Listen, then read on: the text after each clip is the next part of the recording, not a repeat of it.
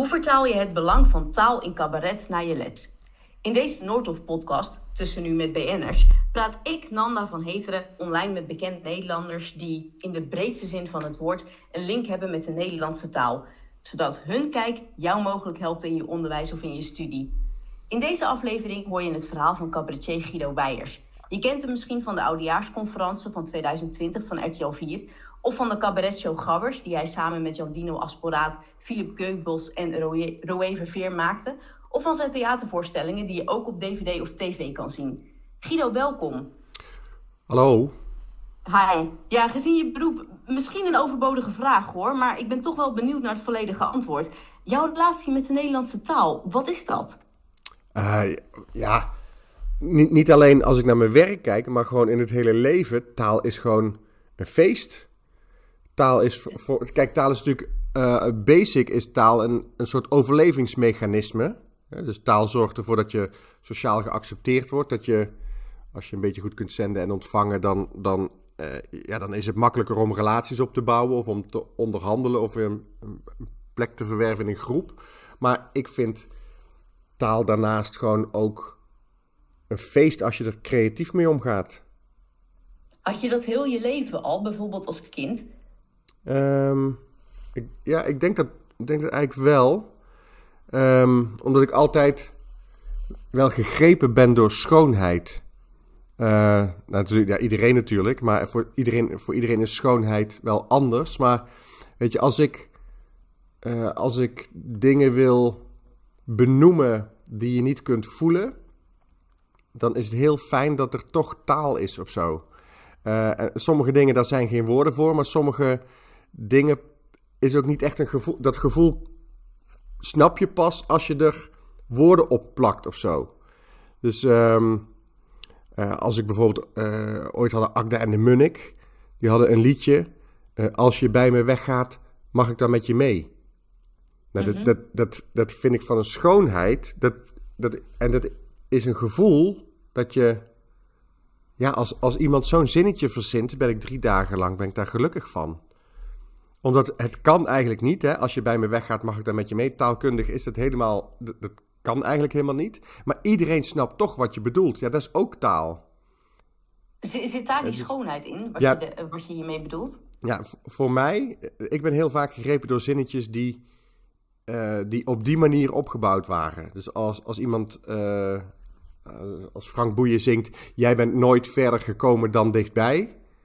Ja, dan heb je mij. Dan, dan, dan kan ik echt, loop ik twee dagen op wolken als ik dat hoor. Dus er moet een bepaalde tegenstrijd in zitten ja. als ik het hoor. En uh, uh, het kan niet, maar ik snap het gevoel. Ja.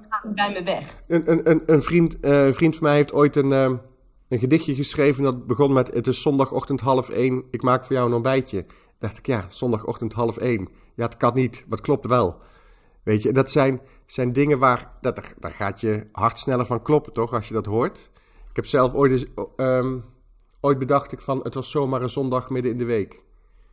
En ik denk, oké, dit is nou precies waar taal ook voor bedoeld is. Hè? Natuurlijk, we moeten taal hebben om onszelf voor te stellen, om een sollicitatiegesprek te voeren. We moeten taal hebben om, om uh, uh, noodzakelijke dingen in het leven te doen. Maar gewoon echt genieten van taal. Uh, uh, dat, dat even je, je brein kortsluiting maakt en dat je daarna denkt: wauw, dit is echt vet. Ja, dat, dat, ja, dat is, dan wordt taal een feest. En zie je dat ook terug bij bijvoorbeeld je collega's in een cabaretshow van hen? Um, ja, nou, dat, ik zie dat um, wel bij Harry Jekkers. Die is heel goed met taal. Dat is natuurlijk wel uh, iemand van de oude garde, maar die heeft liedjes. Um, ze staat op, doet de gordijnen open, ze laat haar lichtbad lekker vol met water lopen. En dan denk ik al, hij heeft erover nagedacht dat een lichtbad en lopen, dat dat een tegenstelling is. En dan, uh, ze maakt zich op, haar nagels in twee kleuren, lak aan alles, laat iedereen maar zeuren. Dan denk ik, oh ja, ze maakt zich op, nagels en dan de zin erop, lak aan alles. En dus hij pakt continu tegenstellingen en zo. En als je die zoveel opstapelt, ja, je wordt... Je, je gaat ze ook stiekem zoeken en zo. Maar dan, ja, je kunt ze overal vinden natuurlijk. Maar collega's die maken daar zeker gebruik van, ja. Ja, bij Harry Jekkers denk ik meteen aan Over de Muur en hoe prachtig ik dat vond. En dat ik drie dagen dat nummer in mijn hoofd had toen ik door Berlijn liep. Ja. Omdat het in alle vormen gewoon klopt en ja, ik echt in, in dat liedje was. Ja. Ehm, maar, maar jij doelt echt op de tegenstrijd in taal, begrijp ik. Ja, nou ja, daarvan ga ik aan. En soms kan een zin ook gewoon mooi zijn. Dat, dat, eh, die, dat is ook zo. Alleen dan gaat het echt om smaak. En bij die tegenstellingen kan ik dan, kan ik dan heel duidelijk aangeven. eh, van daar, daar zit het hem in of zo. Ik heb zelf ooit een show gehad. Dat, dat was ehm, mijn tweede oudejaarsconferentie die ik ooit maakte in 1999. En toen had je de voetballer van de eeuw, eh, de sportman van de eeuw, de, de politicus van de eeuw. Alles werd toen uitgeroepen van de eeuw. En toen dacht ik, dit wordt het millennium van de eeuw. dacht ik, ja, dat, dat, ja, tuurlijk, dat kan niet. Maar het klinkt wel gewoon mooi of zo. Ja. Ik vind het leuk om mensen met taal een beetje op een verkeerd been te zetten. Maar ook ehm, de creativiteit daarmee op te zoeken of zo. En, en hoe zien we dat vandaag de dag terug in jouw shows? Voor zover dat coronatechnisch kan natuurlijk. Ehm, nou ja, het is eigenlijk heel. Het is eigenlijk wel vrij easy. Maar ik wil gewoon mensen gelukkig maken. Dus ik, dus ik heb ook een theatercollege over geluk op dit moment. Een soort, soort keynote voor bedrijven en instellingen. Maar ook voor studenten in coronatijd is geluk natuurlijk het onderwerp. En er is eigenlijk maar één middel dat ik daarvoor heb. En mijn gereedschap is gewoon praten. En dat is wat ik kan. Ik, ik spreek voor groepen. Dus ik moet letterlijk met mijn taal een boodschap overbrengen. Uh, zowel bewust als onbewust natuurlijk. Um, maar dus eigenlijk is als spreker voor groepen taal mijn sterkste wapen. Ja, ik, ik zit ondertussen meteen na te denken ja. hoor. Want ik heb het boek uh, van je. Uh, ik mm -hmm. heb ook de masterclass gevolgd. En ik ben ook naar verschillende cabaretshows geweest van je. Onder andere met het ei op het eind. Oh, wat leuk. Ja, ik heb ervan genoten. Van alles trouwens. Absoluut. Dankjewel. Um, maar, maar, maar terugkomend op even het boek over geluk en de masterclass. Dan kwam de masterclass toch uh, harder binnen of zo. Misschien omdat ja. ik toen voor de tweede keer binnenkreeg. Want ik had eerst het boek gelezen en toen uh, zijn we naar die show gegaan. Um, maar dan zit het hem blijkbaar in de woorden, toch? En, en Zeker. zit ik te bedenken, hoe dan? Uh, nou ja, kijk, taal is zijn natuurlijk woorden, maar taal is ook hoe je het zegt. Of met welke intonatie je iets zegt. Uh, welke woorden je... Ja, het kan in een boek staan en dan, dan beslis jij hoe je een zin leest. En als ik een zin zeg, beslis ik hoe ik hem zeg. Dus dan komt het misschien nog confronterender binnen. Of uh, een boek is alleen maar zenden. Maar dit is iets wat nu door mijn hoofd flitst. Een boek is alleen maar zenden. En ik heb toch het idee, als ik voor een groep spreek, dan zend ik ook, maar tegelijkertijd zend ik wel exact in het ritme dat de zaal op dat moment heeft. Dus ik heb toch het idee dat het zenden en ontvangen in een zaal veel sterker is dan uh, wanneer je een, ja, een boek is echt eenrichtingsverkeer. En in de zaal sta ik toch, ik zeg een zin, dan komt er een lach op of een reactie. En dat ritme gebruik ik om mijn verhaal te maken. Dus dat is toch veel meer tweerichtingsverkeer. Ja, ik zit ondertussen ook te bedenken van, merk ik dit als kijker bijvoorbeeld? Of wanneer ik de tv-show zie of de dvd? Want dan zit ik niet in de zaal en dan ga je niet in mijn ritme mee. Nee, maar ik kan, je wel echt garanderen dat als je een voorstelling op zou nemen zonder publiek en je zou dat uitzenden op tv, dat het totaal niet overkomt. Want wat, wat wij als cabaretiers doen en stand-up comedians en sprekers, je staat voor een groep. Je, eigenlijk is het een soort tenniswedstrijd, weet je. Je slaat een, een gedachte of een grap de zaal in, die reageert daarop. En eigenlijk is dat je reactie en het ritme waarmee je de volgende bal weer terug kunt slaan. En als je, als je die tegenpartij niet hebt, dan ben je alleen maar aan het afvuren, ben je alleen maar aan het serveren, ben je alleen maar ballen aan het slaan. En het is juist het mooie van taal, al is het maar een, mm hè, al is het maar hummen of een bevestiging geven of een tss, of een, of een lach of een applaus. Dat is toch um, een, dat is, dat is het, het, teken dat je gehoord bent. En, en, in hoeverre ja. ziet dan het proces wat jij schrijft, hè, je hele -hmm. theatershow er anders uit dan daadwerkelijk in de zaal. Oké, okay, je hebt natuurlijk ook try-outs en, en, en, dat soort ja. dingen, maar ik ben benieuwd naar het stukje daartussen. Ja, als ik mijn voorstelling ga schrijven, dan is het, dat begint wel echt heel erg strak met alles op de komma opschrijven. Dus ik, dus ik ehm, en echt in een, in een bepaalde volgorde en ik ben er heel secuur in. En dan, ehm, maar zodra ik dat voor het eerst voor een publiek ga spelen, dan merk ik dat er een soort spreektaal bij komt. En dat maakt het ook natuurlijk veel authentieker. Dus het is niet dat ik die, die tekst letterlijk uit mijn hoofd ken, maar ik heb hem wel ooit letterlijk helemaal opgeschreven zoals ik vind dat hij zou moeten zijn. En dan, als ik hem een paar keer voor publiek heb gespeeld, dan kom ik erachter van, oh, blijkbaar laat ik daar een zinnetje weg, automatisch. Of blijkbaar voeg ik daar een zinnetje toe. En dan heb ik eigenlijk twee versies. Degene zoals ik hem in de zaal zeg en zoals ik hem als eerste bedacht had. En die twee ga ik dan weer over elkaar leggen. Denk, oké, het moet wel volledig zijn, maar het mag ook weer spontaan klinken en zo. Dus het, is, een, is, een, proces wat wel iedere keer anders is, maar ehm, ja, het doel is gewoon om met zo min mogelijk woorden of met zo mooi mogelijke woorden uh, de boodschap zo goed mogelijk aan te laten komen bij het publiek.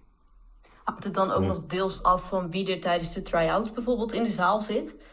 Uh, zeker wel. Zeker wel, maar nu is het natuurlijk wel zo dat als mensen een kaartje kopen voor mij, dat ze weten naar wie ze gaan. Um, dus dat mijn publiek niet per se van de een op de andere dag 180 graden verschilt. En, ik heb het geluk dat ik, dat ik toch nog wel 80% van wat ik schrijf, dat dat wel um, meteen aansluit bij het publiek. Dus um, ja, zo'n try-outs gebruik je natuurlijk om te kijken of je boodschap overkomt. En 9 van de 10 keer of 8 van de 10 keer is dat gelukkig zo. Ja. En je kan natuurlijk een heel goed verhaal hebben, maar als je het niet goed kan overbrengen, dan ja, komt het gewoon simpelweg niet over. Maar andersom natuurlijk ook. Hè?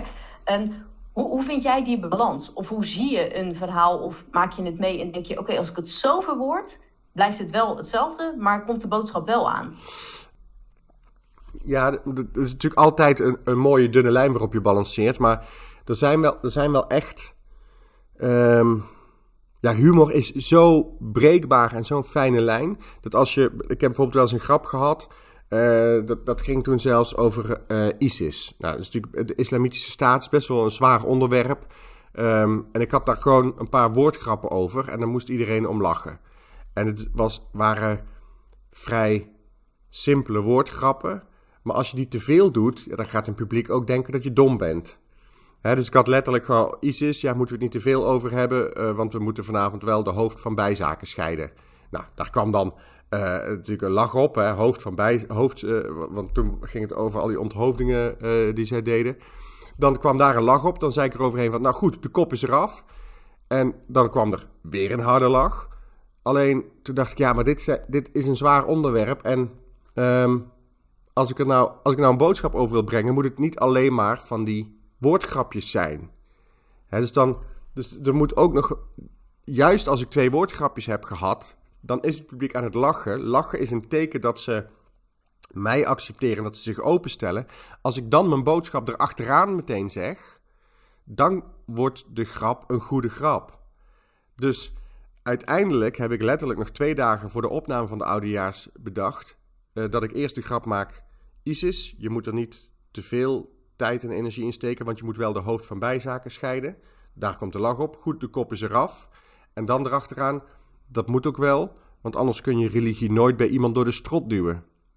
En zo'n zinnetje, religie bij iemand door de strot duwen, dat, dat maakt die grap ineens dat die helemaal gaat over wat er op dat moment in de werkelijke samenleving bij hun aan de hand is. En dan krijgt een grap lading en dan dan wordt het echt interessant. Dan is het, dan is het meer dan alleen maar een woordgrapje. Dan komt er een boodschap over. Dit is echt precies hoe ik je ken, inderdaad. Ja, nou, dat, dat, vind ik, dat zie ik als compliment. Want ik vind het altijd fijn als, er een, als er een boodschap uh, achteraan komt. Of, er, of, er een, of je een boodschap voelt, zeg maar. En dat. Um, je kunt natuurlijk met een heel flauw grapje beginnen. Als je het hebt over taal alleen al, hè. Uh, nou, wij wonen op een planeet en die heet de aarde. Terwijl die, hij bestaat voor 70% uit water. Dus je, je zou zeggen, noem die planeet dan gewoon water. Maar ja, dat klopt niet, want water en aarde, dat is, bij elkaar is dat natuurlijk modder. Nou, de Engelsen die zeggen het dan wel weer goed. Hè? Die zeggen Mother Earth.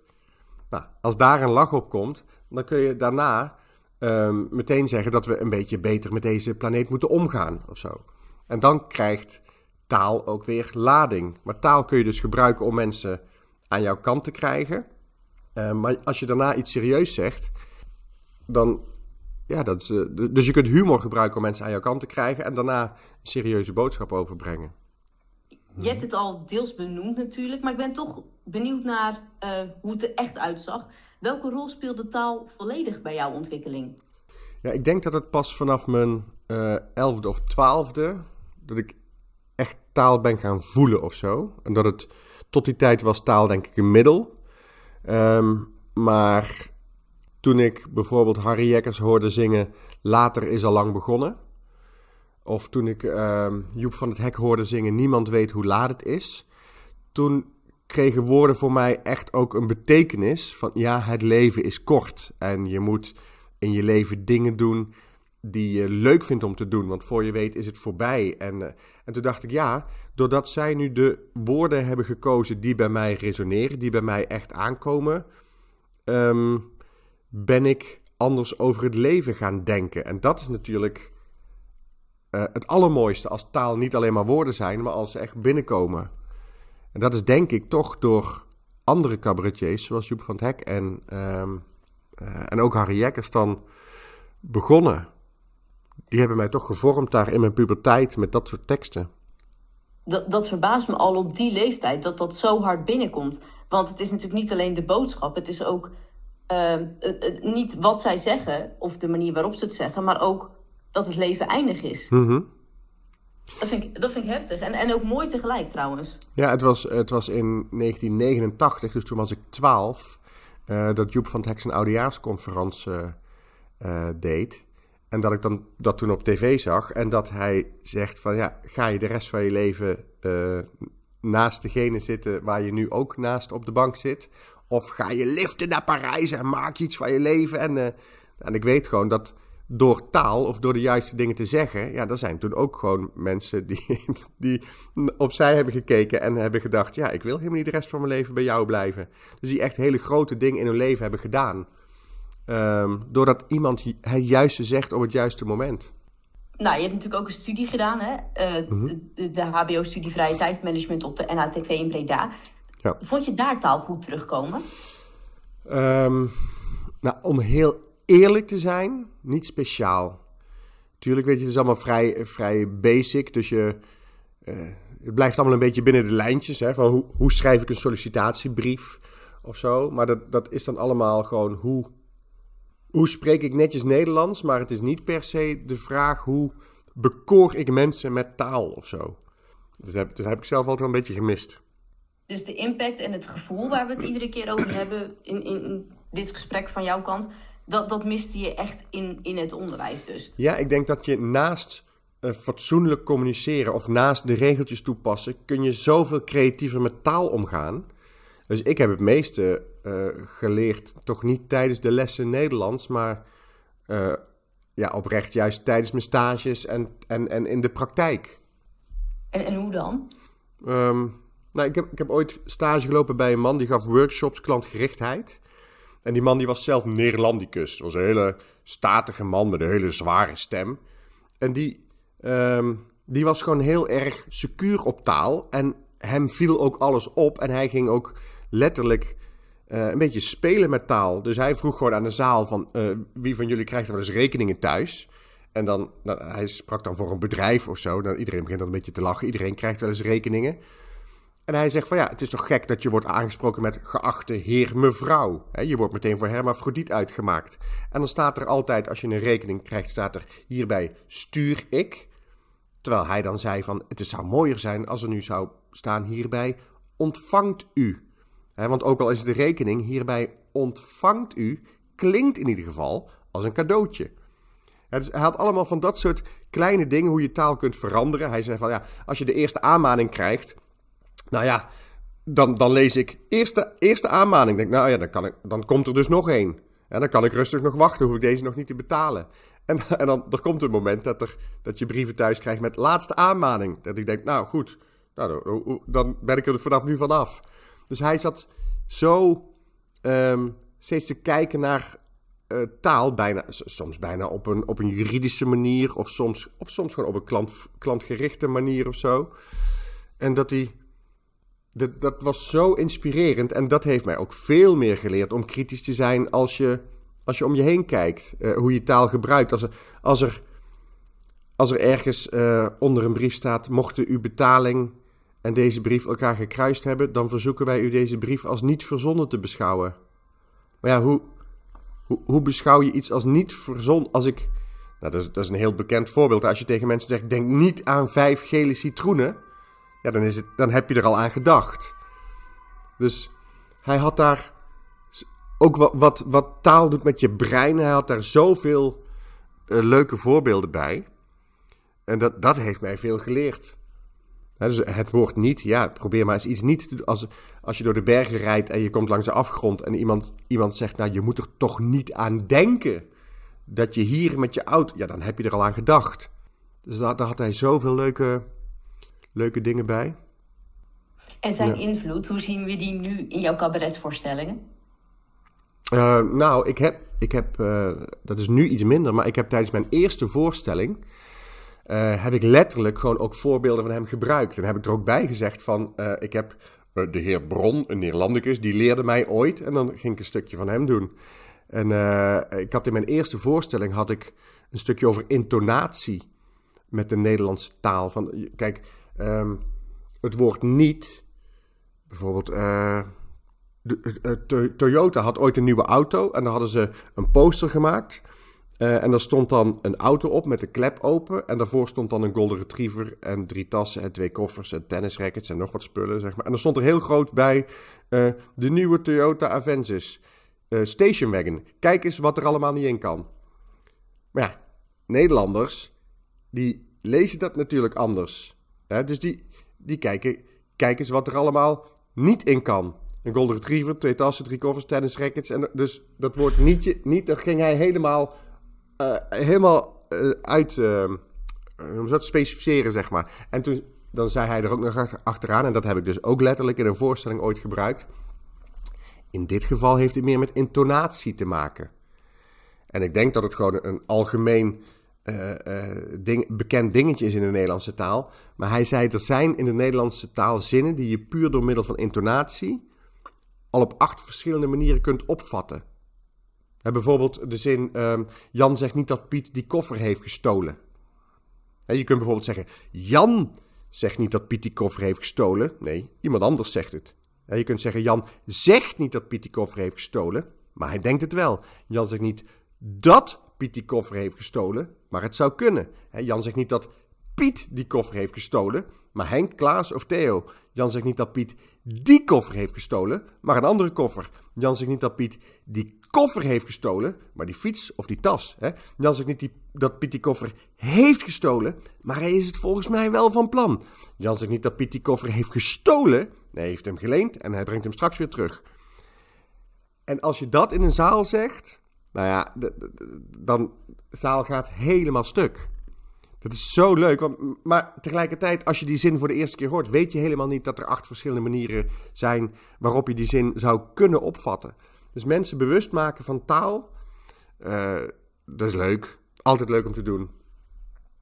Is ook... Wat vond meneer Brom er zelf van eigenlijk, toen hij terugkwam in jouw voorstelling? Die vond het fantastisch. Want hij zag mij natuurlijk eh, als een soort um, leerling van hem. Uh, en, en ik mocht ineens de theaters in en uh, als hij dan kwam kijken, hij was super trots, want um, ja, hij, hij, zag dat zijn dingen ook werkten in grote zalen.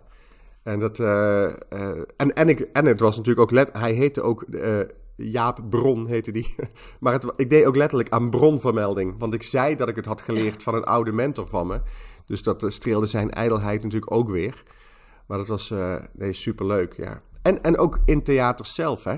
Ik ben altijd scherp op taal. Als, als er ergens, uh, sommige theaters staat gewoon uh, mobiele telefoon uit. Maar ja, in sommige theaters hangt een bordje, denkt u eraan na de voorstelling uw mobiele telefoon weer aan te zetten. Dat is gewoon veel vriendelijker. Of een bordje, ook uw mobieltje is een avondje uit. Denk, oké, nu ben je creatief met taal.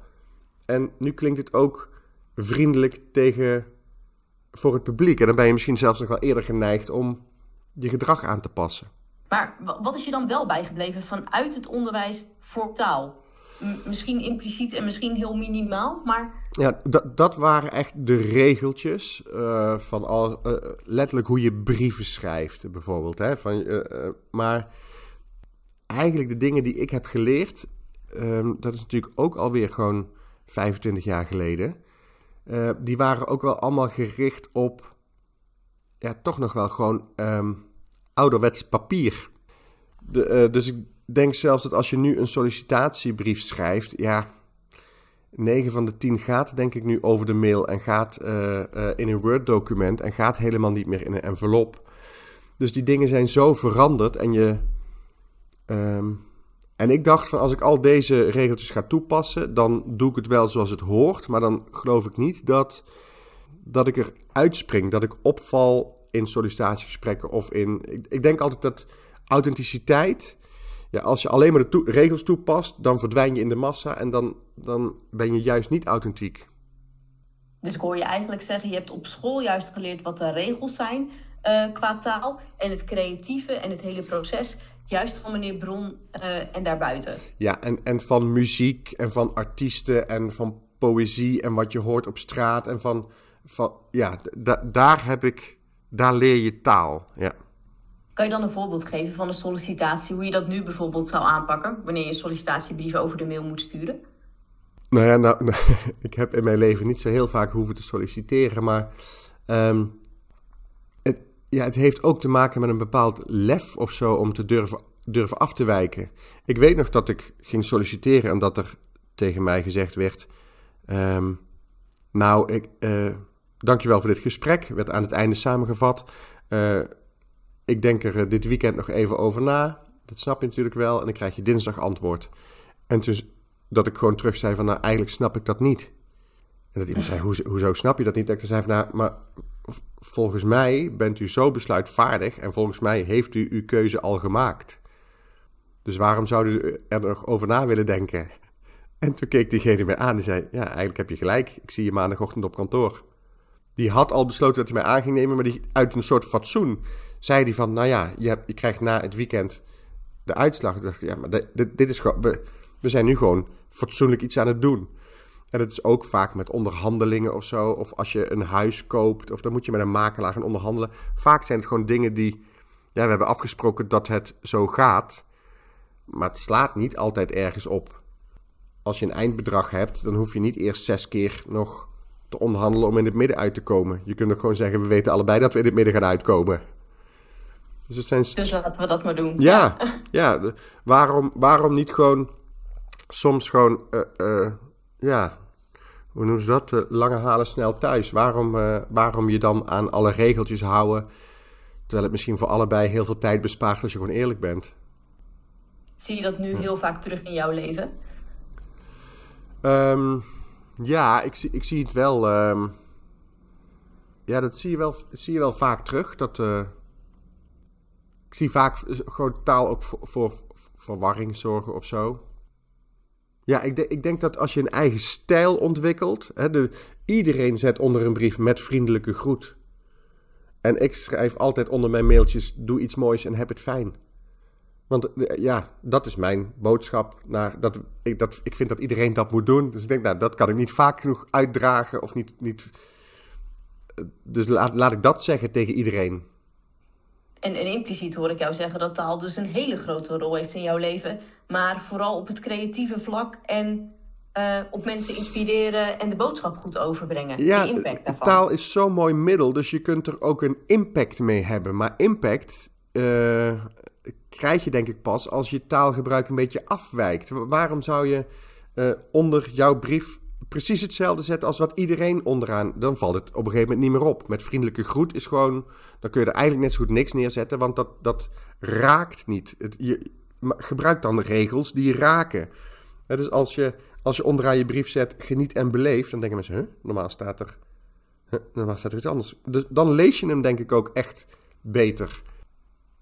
Heb je een voorbeeld van uh, uh, iets uit je eigen cabaretvoorstelling waarvan je zegt van ja, oké, deze woorden te gebruiken was de boodschap zoveel meer waard dan wanneer je het ja, binnen alle kaders deed, zeg maar. Hmm.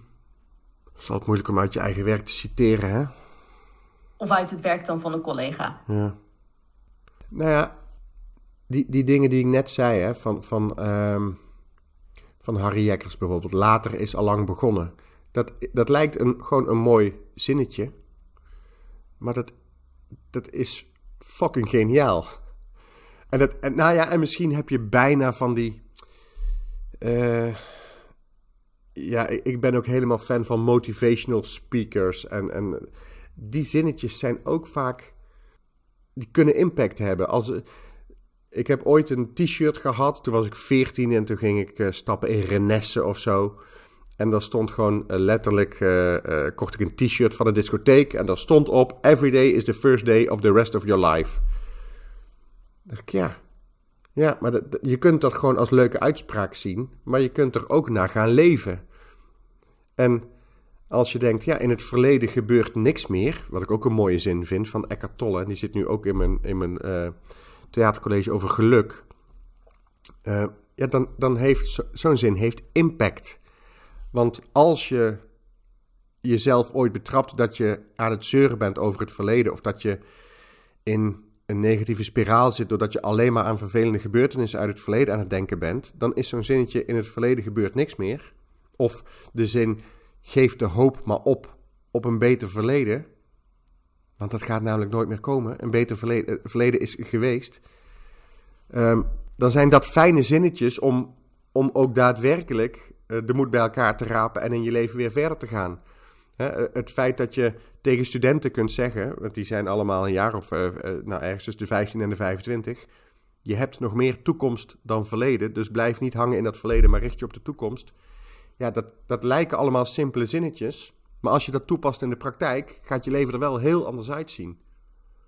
Dus Dus het is letterlijk motivational speaking, begrijp ik. Ja, zo, zo heeft het in mijn leven wel veel gewerkt, denk ik. En het heeft natuurlijk ook gewoon, ja, je kunt ook taal, eh, als je het alleen maar op humor gaat betrekken, ja, dan kun je ook zeggen waarom heet maandverband maandverband terwijl je het maar één dag kunt gebruiken. Eh, dan, dan kun je eh, taal ook gewoon heel simpel pakken. En dan kun je ook zeggen: een half gesneden wit is toch helemaal doorgesneden. En waarom heten zakdoekjes zakdoekjes terwijl ze voor je neus zijn? En waarom is handcrème voor je handen en babyolie voor baby's? Wat, waar smeer je notenmelk dan op?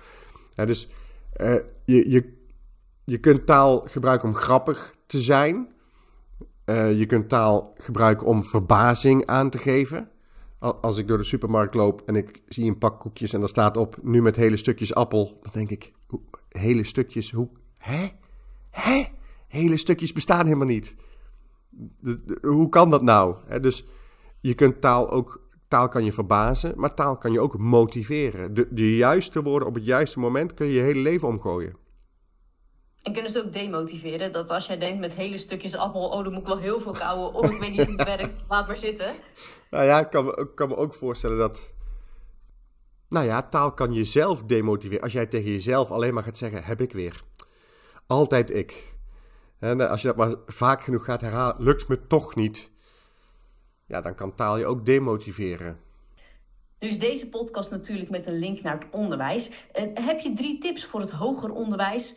En ja, hoe we als docenten en studenten gewoon meer met taal bezig kunnen zijn? Ja, het is natuurlijk altijd moeilijk om op, op de stoel van de, van de deskundige te gaan zitten. Want ik, ben, ik zie mezelf niet als deskundige. Ik zie mezelf meer als, als klant van het onderwijs. En Weet je, ik heb onderwijs genoten. En ik, en ik, eh, dus, dus als leerling heb ik wel altijd het idee van... waarom zet je geen stap naar je doelgroep? Dus dus eh, waarom zorgen docenten niet gewoon dat het... Ja, ik noem dat zelf gewoon dat het beter blijft plakken. En wat ik net zei, eh, als je alleen maar de regels gaat uitleggen, dat, vind ik zelf een beetje saai. Dus waarom zou je niet eh, alles storten tegenwoordig op luisterboeken, op, op muziek, op poëzie, op creativiteit, op...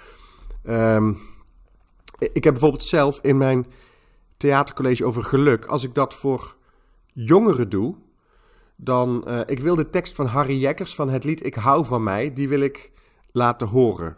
Maar als ik tegen die mensen zeg, hier is Harry Jekkers met dit lied, dan, ja, dan denken zij, hoe de fuck is Harry Jekkers? Want het is een, lied van eh, 30 jaar oud. Dus dan haken ze af. Maar als ik nou eerst een fragmentje laat zien van Tabita, eh, een zangeres die nu bij de jongeren helemaal hip is, en die zingt de cover van Ik hou van mij.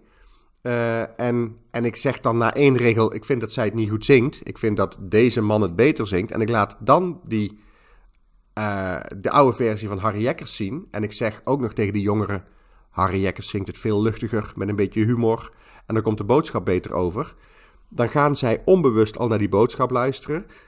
Hebben ze onbewust al te horen gekregen dat het geen zware kost is waar ze naar gaan luisteren. En dan blijft het bij de jongeren extreem goed plakken.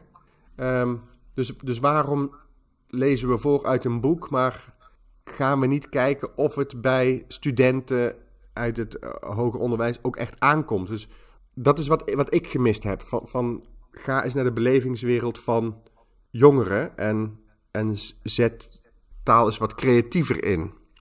Dus het is uh, impact, emotie, aansluiten op de belevingswereld bij leerlingen. Maar deels ook tussen haakjes een beetje framing. Als in van dit vind ik niet goed of minder goed. Uh, en een sturing van te horen, dit is echt kwaliteit omdat. Nou ja. Dat mensen het dan ook zelf gaan horen. Tuurlijk, ja. Je, je, kunt, uh, je kunt mensen zo sturen met taal, maar dat kun je ook je hoeft ze niet alleen de regels uit te leggen, maar de manier waarop je de regels uitlegt. Ja, iedereen die een cursus NLP heeft gevolgd, die weet dat je, ja, je kunt zeggen: lees dit boek. Of je kunt zeggen: zou je meer kennis willen hebben? En dan is het antwoord ja. En dan zou je zeggen: nou, dan is het misschien een goed idee om dit boek te lezen. Dan veel motiverender. Dus je, je kunt mensen, ja, dan kom ik toch misschien toch ook op motivational talk uit of zo. En je kunt mensen zeggen we moeten woorden leren, maar je kunt ook actuele aanleidingen uit het nieuws pakken, waardoor je gaat spelen met taal. dus je kunt ook uh, zeggen, wat, wat is volgens jullie het woord van het jaar? En, en wat heeft het met je leven te maken? En gewoon iedere keer die stap zetten. Dus volgens mij moet je creatiever zijn in de manier waarop je les geeft. Dus, en ook gewoon spoken word erbij pakken en, en een beetje kijken hoe blijft mijn stof het beste plakken. Volgens mij moet je actuele aanleidingen gebruiken. dus als, als jij, als het bijna vakantie is, ja, ik, ik zou meteen tegen jongeren zeggen: ga je nog vakantiewerk doen? Uh, of, uh, uh, en als mensen dan zeggen, ja, dat ga ik doen, dan zeg, zou ik meteen erachteraan zeggen, eigenlijk een gek woord, hè, vakantiewerk. Want het bestaat uit twee verschillende delen. Je hebt het woord vakantie en je hebt het woord werk. Het zijn eigenlijk twee tegenovergestelde woorden. En toch is het één woord. Eigenlijk is dit een oxymoron. Hè? Of ga je vakantiewerk doen in Zeeland? Dat is toch gek, Zeeland. Hè? Zee en land zijn twee tegenovergestelde woorden, maar het is toch één woord.